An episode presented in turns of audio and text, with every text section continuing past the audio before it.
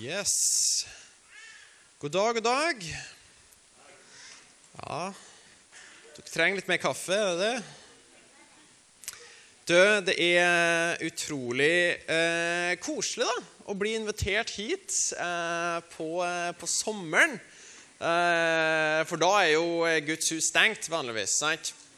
Helligånd er på ferie i Maldivene. Nei da. Eh, du, utrolig kjekt å, å, få komme hit, og det er jo masse folk her. Eh, så det at du har satt av en dag når det var liksom greit vær og og, og fellesferie til å komme hit, det er utrolig kjekt. Uh, jeg skal starte med å dele litt uh, ut ifra mitt eget liv. Beklageligvis, kanskje. Men jeg tenkte jeg skulle starte å dele eh, om noe som jeg husker fra når jeg gikk på skolen. Og det, det begynner å bli noen år siden, sant? fordi jeg, jeg, jeg eldes, har jeg merka. Men Eh, når jeg gikk på videregående, så, eh, så var liksom tanken at ok, du kan velge deg noe fag som du har lyst til å ha. Og jeg valgte kjemi fordi jeg tenkte kjemi hørtes kult ut. Eh, jeg har sett altfor mye film, så jeg tenkte jo at kjemi var litt sånn alkemi. Sant? Jeg tenkte at det var liksom Harry Potter. Ikke at vi skal snakke om Harry Potter i kirka. sant? Men, eh, men, jeg tenkte at det var veldig sånn nå skal vi ha forskjellige kjemikalier og blande dem og lage røyk og bomber og ikke, Eller sant? Det er jo videregående, da, så vi lager jo ikke bomber, obviously. Men jeg tenkte at det skulle være liksom kult med kjemi. Og så viser det seg det at kjemi er kun matematikk. Eh, nå er jeg overbevist om at matematikk ikke er av Gud. Det er av den andre sida. Eh, det er min teologi. Men eh, uansett så, så, sleit jeg veldig. og jeg fikk en toer på vitnemålet mitt i kjemi. Og så bytta jeg fag etterpå fordi det var så vanskelig. Senere, når jeg var ferdig med videregående, så hadde jeg lyst til å studere psykologi. Men jeg hadde jo ikke gode nok karakterer, for jeg hadde jo en to i kjemi. Så jeg kom ikke inn på psykologi, men jeg kom inn på filosofi. Og da tenkte jeg ok, ok, ok, filosofi, det passer meg. Jeg så jo for meg da at vi skulle sitte sant, på liksom trappene i Aten type, med liksom et laken. Og liksom bare sånn Hva er egentlig meninga med livet? Tenkte jeg. sant? For igjen, jeg ser altfor mye film. Og så viser det seg det at Filosofi er basically bare at du får 47 bøker som er veldig veldig tunglest, og så skulle du gjøre noen eksamener på slutten. Det gjorde at jeg droppa ut av filosofi. Istedenfor så tenkte jeg det er jo ett eh, yrke som sikkert er fantastisk, som det er så mange som er, og jeg hadde flere i familien min som var det, så istedenfor så begynte jeg på lærerstudiet. Ok? Og så fikk jeg meg jobb som lærerassistent samtidig på en kristen skole. Og så jobba jeg som lærerassistent i ett år, og så droppa jeg ut av lærerstudiet. For jeg merka liksom, eh, liksom, Når Jesus sier 'la alle barna komme til meg' og sånt Fantastisk, det. Det var bare liksom eh, Han må jobbe litt mer på meg sant, før jeg, før jeg kommer dit. Det som da skjedde, er at jeg hadde liksom droppa ut av det og droppa ut av det. Så når jeg da kommer ut i arbeidslivet, og jeg har ingen videre utdanning Alle mine venner de studerte bachelorgrad og mastergrad og alle de tingene der. Men når jeg da sammenligna meg med de andre, så må jeg jo si at jeg opplevde meg selv å være veldig ukvalifisert når jeg gikk ut i det her voksne livet. Så begynte jeg å tjenestegjøre i menigheten hjem i Stjørdal. Det var kun én menighet, sant? for det var jo ikke bibelbelte, det. Men der var jeg med, og jeg fikk lede, og jeg fikk forkynne. Um, men jeg hadde jo ikke studert teologi, nei, faktisk. Og nå kan det være at dere ikke inviterer meg tilbake hit. Jeg har ikke gått bibelskole. Ja, Skal jeg bare gå med en gang? Ja. Og da må jo jeg si at når jeg da skulle stå og tale Guds ord Og jeg var selvlært. Sittet hjemme og lest bøker og sittet hjemme og sett på liksom prekener. og men ikke hadde noe mer, så må jeg jo si at jeg følte meg da ganske ukvalifisert når jeg sto opp på den scenen der og skulle tale Guds ord til mennesker. Senere i livet, hvis jeg kan bli litt sånn eh, real med dere et, eh, en liten stund, så, så hadde jeg en veldig vanskelig periode i livet mitt når jeg var 1920. Jeg opplevde angst og depresjon og, og, og motgang jeg ikke hadde møtt før. Og, og, i på en måte min forvirring så, så visste jeg ikke helt hvor jeg skulle gå med smerten. Så jeg hadde en periode hvor jeg istedenfor gikk til alkohol. Og det var noen kjipe måneder. Noen måneder hvor jeg Og nå ble det sånn wow. Fra at liksom, ah, skolen og kjemi, og så liksom Jeg var alkoholiker. Det er liksom veldig stort hopp. Jeg beklager. Men jeg hadde noen måneder hvor alt jeg gjorde, var å, å prøve å på en måte finne en trøst i ei flaske. og Det var det eneste jeg gjorde. Jeg mista ti kilo. Jeg var helt liksom crazy. I det øyeblikket her så kom bestefaren min på døra. Når jeg kommer fra en skilsmissehjem, så jeg hadde ikke så veldig nært forhold til min far, så bestefaren min var det nærmeste jeg til en farsfigur. Når Bestefaren min har med seg ei avis, og på den avisa så er det en ung mann. Denne unge mannen er barnebarnet til en venn av min bestefar. Og Min bestefar han ser på meg med triste øyne, og så peker han på den unge gutten her, og så sier han enn Alexander om du bare kunne vært mer som han. I det øyeblikket så følte jeg meg utrolig ukvalifisert. Ukvalifisert er ikke bare et ord i ordboka for meg. Nei, dette har vært et ord som lenge har vært et stempel og en identitet jeg har båret på meg selv. Det som hjelper i slike øyeblikk, eh, og så får meg til å tenke litt bedre om meg selv, er at Bibelen er full av mennesker som følte seg ukvalifisert. En av dem her var en mann som het Moses. Når Moses han var jødisk, men han vokste opp i kongefamilien hos egypterne. Nå, egypterne hadde det jødiske folket igjen som slaver. Så her var det jo sikkert litt sånn eh, Hva skal jeg si? Det var litt sånn rar, awkward stemning rundt middagsbordet, kanskje. Og det var nok ikke så veldig gode vibes mellom de to folkeslagene. Og jeg tror at Moses da vokser opp litt med en sånn identitetskrise. Hvem er jeg egentlig? For egypterne likte kanskje ikke Moses så godt, for han var litt for jødisk for deres smak.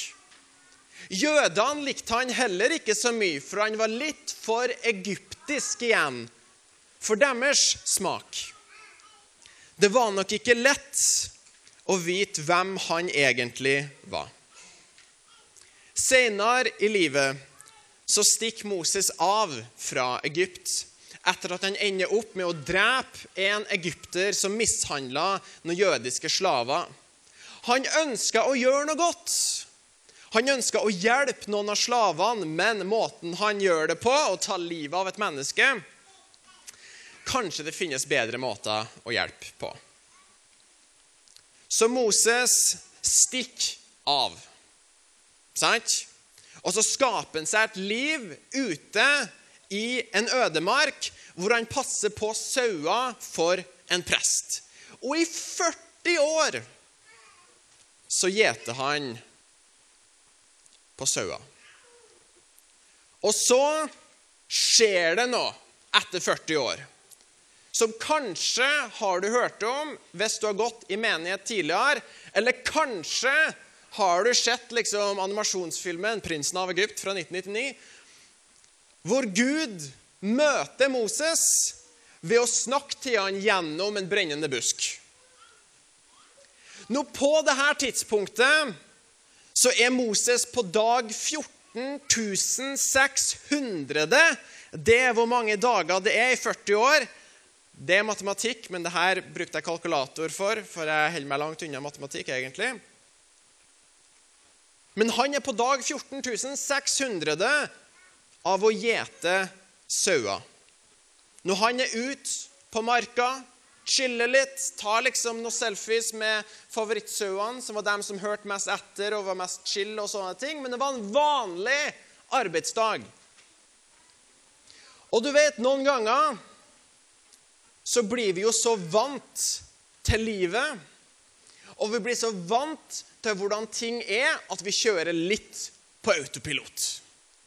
Vi våkner, vi spiser frokostblanding, og så drar vi på jobb, og så kommer vi hjem, og så spiser vi middag, og så ser vi på TV, og så skriver vi noen sinte kommentarer på Facebook om politikere vi er uenige med, og så går vi og legger oss. Og så våkner vi dagen etterpå og gjør akkurat det samme. Og dagen etter der igjen. Og det er liksom hverdagen, og noen ganger så bare kjører det på autopilot. Nå, Det vi kristne som leser i Bibelen, omtaler som liksom Å, dagen hvor Gud møtte Moses! Woo! Det var jo bare en vanlig arbeidsdag, egentlig, for Moses. Han våkna og tok på seg kappa og plukka opp staven og skulle bare ut og jobbe som vanlig. Dette var dag 14601 for Moses når dagen starta. En ordinær dag. Han er bare ute og henger med sauene, tar seg en Kvikk Lunsj i matpausen. Men så kommer Gud. Og jeg tror det er noen ganger at det er akkurat her at Gud ønsker å møte oss. Å møte oss i det som har blitt rutine. Kanskje vekke oss litt ifra det som har blitt normalen av livet. Så Gud kommer ned på denne vanlige dagen for Moses, og så sier Gud, 'Jeg har kommet ned for å redde mitt folk, jødene, ut ifra slaveri i Egypt.' 'Og jeg velger deg til å være den som skal lede de ut.' Moses får med en gang Kvikk Lunsjen i halsen. Og han svarer liksom i eh, 2. Mosebok kapittel 3 vers 11 Hvem er jeg? Hvordan kan jeg gå til farao? Hvordan kan jeg føre Israels folk ut av Egypt? Hans første instinkt er å svare 'Hvem er jeg?' Og er ikke det det store, sentrale spørsmålet som aldri forsvinner hos oss mennesker? Er ikke det spørsmålet om identitet som gjerne holder oss tilbake i så mange faser og sesonger av livet vårt? Kanskje prøver vi å late som om vi er noen som vi har lyst til å være. Kanskje later vi som vi er noen som andre forventer at vi skal være. Og så strever vi med å prøve å leve opp til en identitet når identitet er egentlig noe som er gitt oss som en gratis gave av Gud. Men når Gud da snakker til Moses om de store planene Gud har, så tror ikke jeg at Moses tviler på at Gud kan gjøre det. Det er jo ikke Gud Moses er bekymra over, nei, det er Moses som Moses er bekymra over. Fordi Gud kaller jo Moses til å gjøre noe massivt. Jeg mener, du har, du har lest boka. Hvis ikke så er det her en veldig stor spoiler, by the way. Fordi det skjer en del ting etter liksom, Moseboka her. Uh, men, men det her er noe vanvittig stort. Det må jo være en av de største hendelsene i verdenshistorien, og som er forgjengeren til så mye annet vi leser om i Bibelen. Jeg tror dermed at Moses føler at CV-en hans ikke passer til oppgaven. Han føler at han er ukvalifisert. For hvem er Moses, da? Han er en av slavefolket som vokser opp hos slaveeierne. Han er en flyktning. Han er en morder. Samtidig så leser vi at han hadde problem med å snakke og kommunisere bra. Moses forklarer i kapittel 4 at han sier 'Jeg er ikke en ordets mann'. Verken i går, dagen før eller etter at du talte til din tjener. Nei, jeg er treg med munnen og treg med tungen. Dette er hvordan Moses identifiserer seg selv. Dette er hvem jeg er. Nei, jeg er ikke en ordets mann. Jeg er ikke flink til å prate. Ja, lista over ting som Moses identifiserer seg med, den har vokst lang, tror jeg, over de 40 årene her. Jeg er dårlig til å kommunisere. Jeg kommer fra en dysfunksjonell bakgrunn. Jeg er feig. Jeg er en morder. Jeg mangler det som trengs. Jeg er ikke nok til å gjøre det du spør om, Gud. Og Da må jo spørsmålet mitt være til deg Har du noen gang stått i en slik situasjon? Kanskje kjenner du at Gud kaller på deg til å gjøre noe, men så bare føler du liksom at kan jo ikke være Gud som kaller meg til det her. Jeg er jo ikke kvalifisert for det her. Jeg er jo ikke god nok til det her. Vet du hva jeg har gjort? Vet du hva jeg gjorde i går? Vet du hva for noe bagasje jeg bærer med meg? Det kan jo ikke være at jeg er kalt til det her.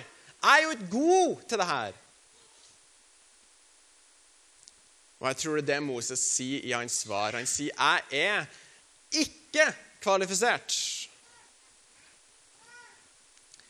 Men hvis vi ser på hvordan Gud presenterer seg selv for Moses ved denne brennende busken Når Moses sier, 'Men hvem er jeg til å gå til farao i Egypt og føre Israels folk, slavene, ut av Egypt?' Og så sier jeg at jeg er sendt av deres forfedres Gud. Men så spør de meg, 'Hvem er hans navn?' Hva skal jeg si da? Og så sier Gud, 'Jeg er den jeg er'. Fortell dem at 'jeg er' har sendt deg. Jeg er. Noe 'jeg er' det er jo en setning eller en frase som vanligvis krever og trenger et tredje ord. Sant?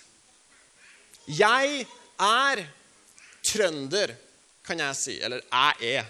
Men da forstår ikke hva jeg sier, sant?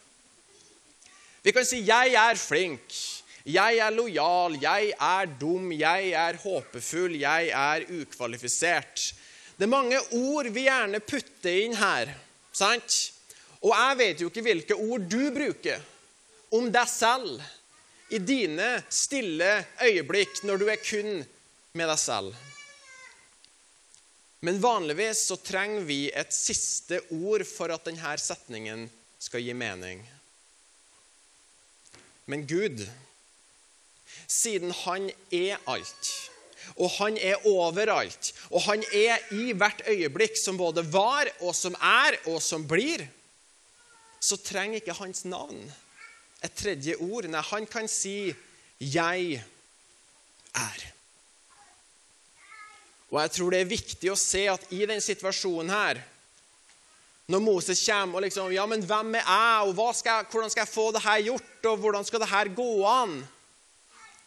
Så svarer Gud han ved å si 'Jeg er'.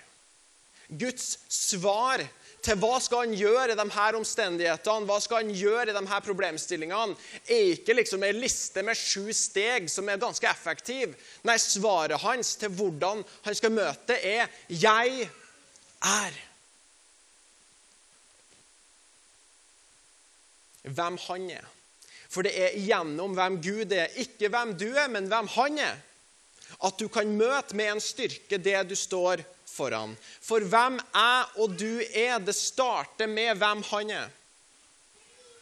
Og kanskje ser vi det her eh, best hvis vi går til en plass i Bibelen som er flere år senere, når Jesus er ute med disiplene. I Matteus kapittel 16 så har Jesus en samtale med Simon Peter om Jesus sin identitet. Jesus har spurt disiplene liksom, ok, etter å ha fått hørt litt hvem tror folk at jeg er, har Jesus spurt. Og, han, og så får han høre liksom at nei, noen tror du er en gjenfødt profet, eller noen sånne ting. Og så sier Jesus OK, men da spør jeg dere, liksom. Sant? Han spør liksom gutta krutt, uh, the disciple boys. Hvem sier dere at jeg er? Og så svarer Simon Peter um, Du er Messias, den levende Guds sønn. Og det hadde Simon rett i. Og dette er et stort vendepunkt for Simon. Og dette er også det store vendepunktet i vårt liv, for selve essensen av å bli kristen, av å bli frelst eller bli redda ut av mørket og brakt inn i lyset, starten av en livslang reise i etterfølgelse av Jesus, starter med at man tror på Jesus som Herre og som Guds sønn. Det er da vi blir frelst, som vi sier liksom på godt norsk. Samtidig så er det bare begynnelsen av forholdet vårt og, og ferden vår med Jesus. Men det som skjer her, da, er at når Simon korrekt identifiserer hvem Jesus var, så identifiserer Jesus hvem Simon er. For Jesus sier da, 'Jeg sier deg at du skal kalles Peter'. Eller Petros, som var gresk for en klippe. Og så sier Jesus, 'Og på denne klippen vil jeg bygge min menighet'. Nå, Det som endrer seg det øyeblikket her, er ikke hvem Simon Peter faktisk var, men Simon Peter sitt syn på hvem han var. Hvis du leser litt i Bibelen, og så leser du litt om Simon Peters oppførsel, og så sammenligner du det med en klippe så føler jeg at det er liksom noe som ikke helt passer i lag her. For en klippe er jo stødig, en klippe er stabil. Peter hugger øret av folk. Peter er liksom helt sånn Han sverger til Jesus at han aldri skal forlate ham. Og i neste øyeblikk så banner han på at han ikke kjenner Jesus engang. Jeg mener, det, det, Peter er typen som snakker før han tenker. Peter er typen som ikke tenker engang. Og så er han en klippe. Altså, har vi lyst til at, at Simon Peter skal komme og lede vår menighet, liksom, når han gjør sånt? Jeg tror det er lett å se på hans svakheter og tenke det her er ikke en ledertype. Det her er ikke en person vi har lyst til å bygge menigheten på. Ikke med den oppførselen og ikke med den bakgrunnen. Men det ser ut som Jesus ser på Peter ikke ut ifra hans opptreden og mangler, men heller ut ifra hans potensial. Jesus ser hvem Peter kan være om Peter går sammen med Jesus, og Jesus ser hvem han har kalt Peter til å bli. Og Dette er en, en, ny måte å tenke på. For vi mennesker vi har en tendens til at vi judger og vi dømmer folk etter de verste nedturene vi har hatt. Sant? Å, oh, ja, ja, ja. Han, han, han, Gunnar, ja. Mm. Jeg har hørt at han har gjort litt sånn shady greier og er litt har på flaska og krangler en del med kona. Jeg vet ikke om det kommer til å vare så veldig lenge. det der. Altså. Nei. Jesus ser ikke på det som mennesker ser på det. Nei, Jesus han ser potensialet. Der du ser svakhet, der ser han en plass hvor hans styrke kan få løfte opp. Han ser hvem han har kalt deg til å være. Så Er jeg ukvalifisert? Hvem er jeg? De spørsmålene her Jeg tror at det kommer ned til at for å kunne svare på hvem vi virkelig er, så må vi først finne ut hvem Jesus er. Og når vi kan se hvem han er, og oppsøke han, så vil han åpenbare for oss hvem vi virkelig er, i og gjennom han. Kanskje må vi slutte å prate så mye og være så høylytte om hvem vi ikke er, og hva vi ikke er i stand til. Vi nordmenn spesielt vi har en tendens til at vi skal være så ydmyke, så vi snakker oss selv så sjukt ned, liksom. Og så tror vi at vi er så ydmyke.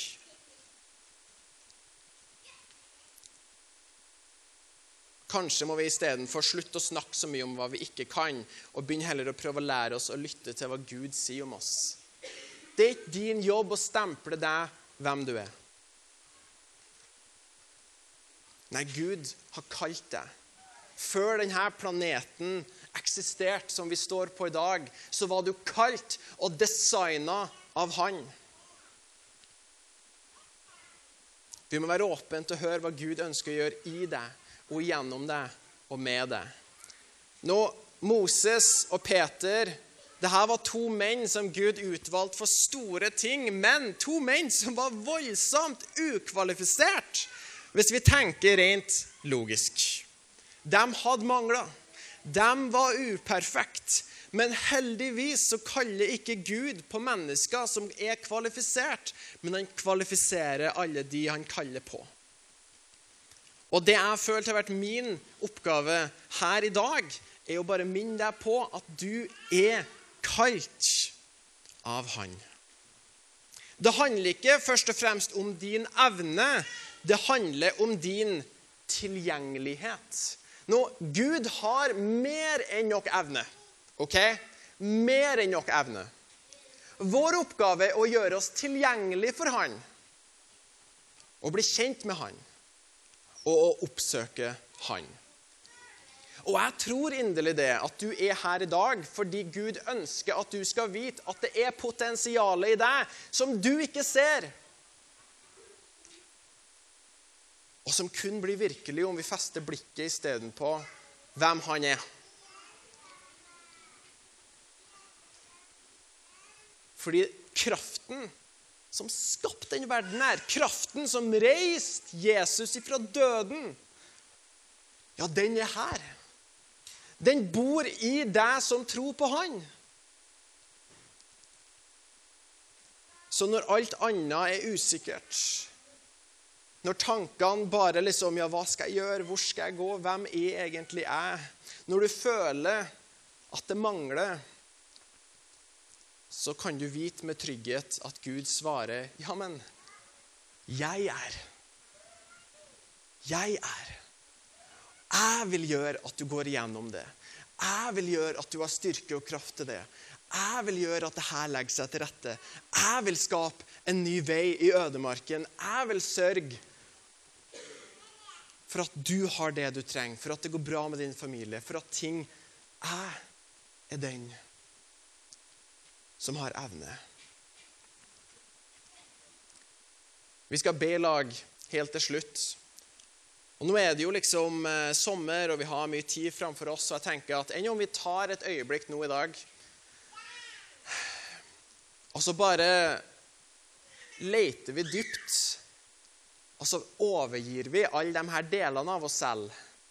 Kanskje har du gått og tenkt på det i uke, kanskje har du gått og tenkt på det i 14 år og bare liksom eh, Kanskje har du, har du, opplevd noe som gjorde at du begynte å tenke negativt om deg selv. Kanskje har du opplevd noe som gjorde at du har bare liksom diskvalifisert deg selv. Og så skal vi bare overgi det her til Gud, og så skal vi spørre liksom Far, åpenbar for oss hvem du har skapt meg til å være. Så vi ber til deg, himmelske Far. Takk, gode Gud for at du er her. Takk for at du ikke er vanskelig å få tak i Jesus. Nei, du valgte å komme ned for at vi skulle få lov til å ha fellesskap og nærhet med deg. Jeg takker deg for at hvert menneske her har du skapt og designa med en egen purpose. Du har utvalgt dem, og du har kalt dem. Og du ser noen ganger, Gud, som, som menneske så går vi bær på så mye. og Noen ganger så så er det så lett at vi, vi, vi, føler oss oppgitt, og vi kan begynne å mislike oss selv. og Vi kan begynne å mislike alt det vi bærer på. Vi, vi blir så klar over liksom alle, alle uperfeksjonene vi går og bærer på. Men jeg takker deg for at vi kan bare komme til deg akkurat som vi er. Med våre mangler, med våre feil, med våre stygge, mørke sider. Og så kan vi komme til deg, og så tar du oss imot. Du omfavner oss. Og så kan vi få lov til å bare bli påvirka av hvem du er. Takk for at det er din styrke, din kraft, din nåde, din evne som i stand gjør oss til å leve et hellig liv. Takk for at det er du som er styrken der vi føler oss svake. Takk for at du har kalt oss til å være et hellig folk som du velsigner, som du salver, Gud. Og jeg ber om at du skal, skal, skal virkelig ransøke hjertene våre og hjelpe oss å erstatte plasser hvor løgn har fått et rotfeste, hvor Satan har planta løgn om oss, hvor vi har planta løgn om oss. At din sannhet skal komme som et sverd og kutte gjennom og erstatte det her. At vi skal få lov til å virkelig se og erfare at vi er dine barn, som du elsker, som du ønsker framgang for, og som du går ved siden av oss, Gud. Når vi går gjennom dødsskyggens dal, hvor vi tror at 'nei, her forlater du oss', 'nei, der er du så nærme oss', Gud'. Jeg takker deg for at vi kan komme til deg akkurat som vi er, og så ber jeg om at du skal hjelpe oss å se hvem du har skapt oss til å være, hvem du har kalt oss til å være, hva for noe potensial du har lagt i oss, Gud. Jeg takker deg for at det ikke handler om hvem vi er, men det handler om hvem du er, Jesus. Og Så kan vi bare snu oss mot deg og følge deg. Og så har du ferdiglagte gjerninger. Vi takker deg og priser deg, Herre, for alt det du har for oss. Vi legger oss selv i dine mektige hender. I ditt navn ber vi Jesus. Amen.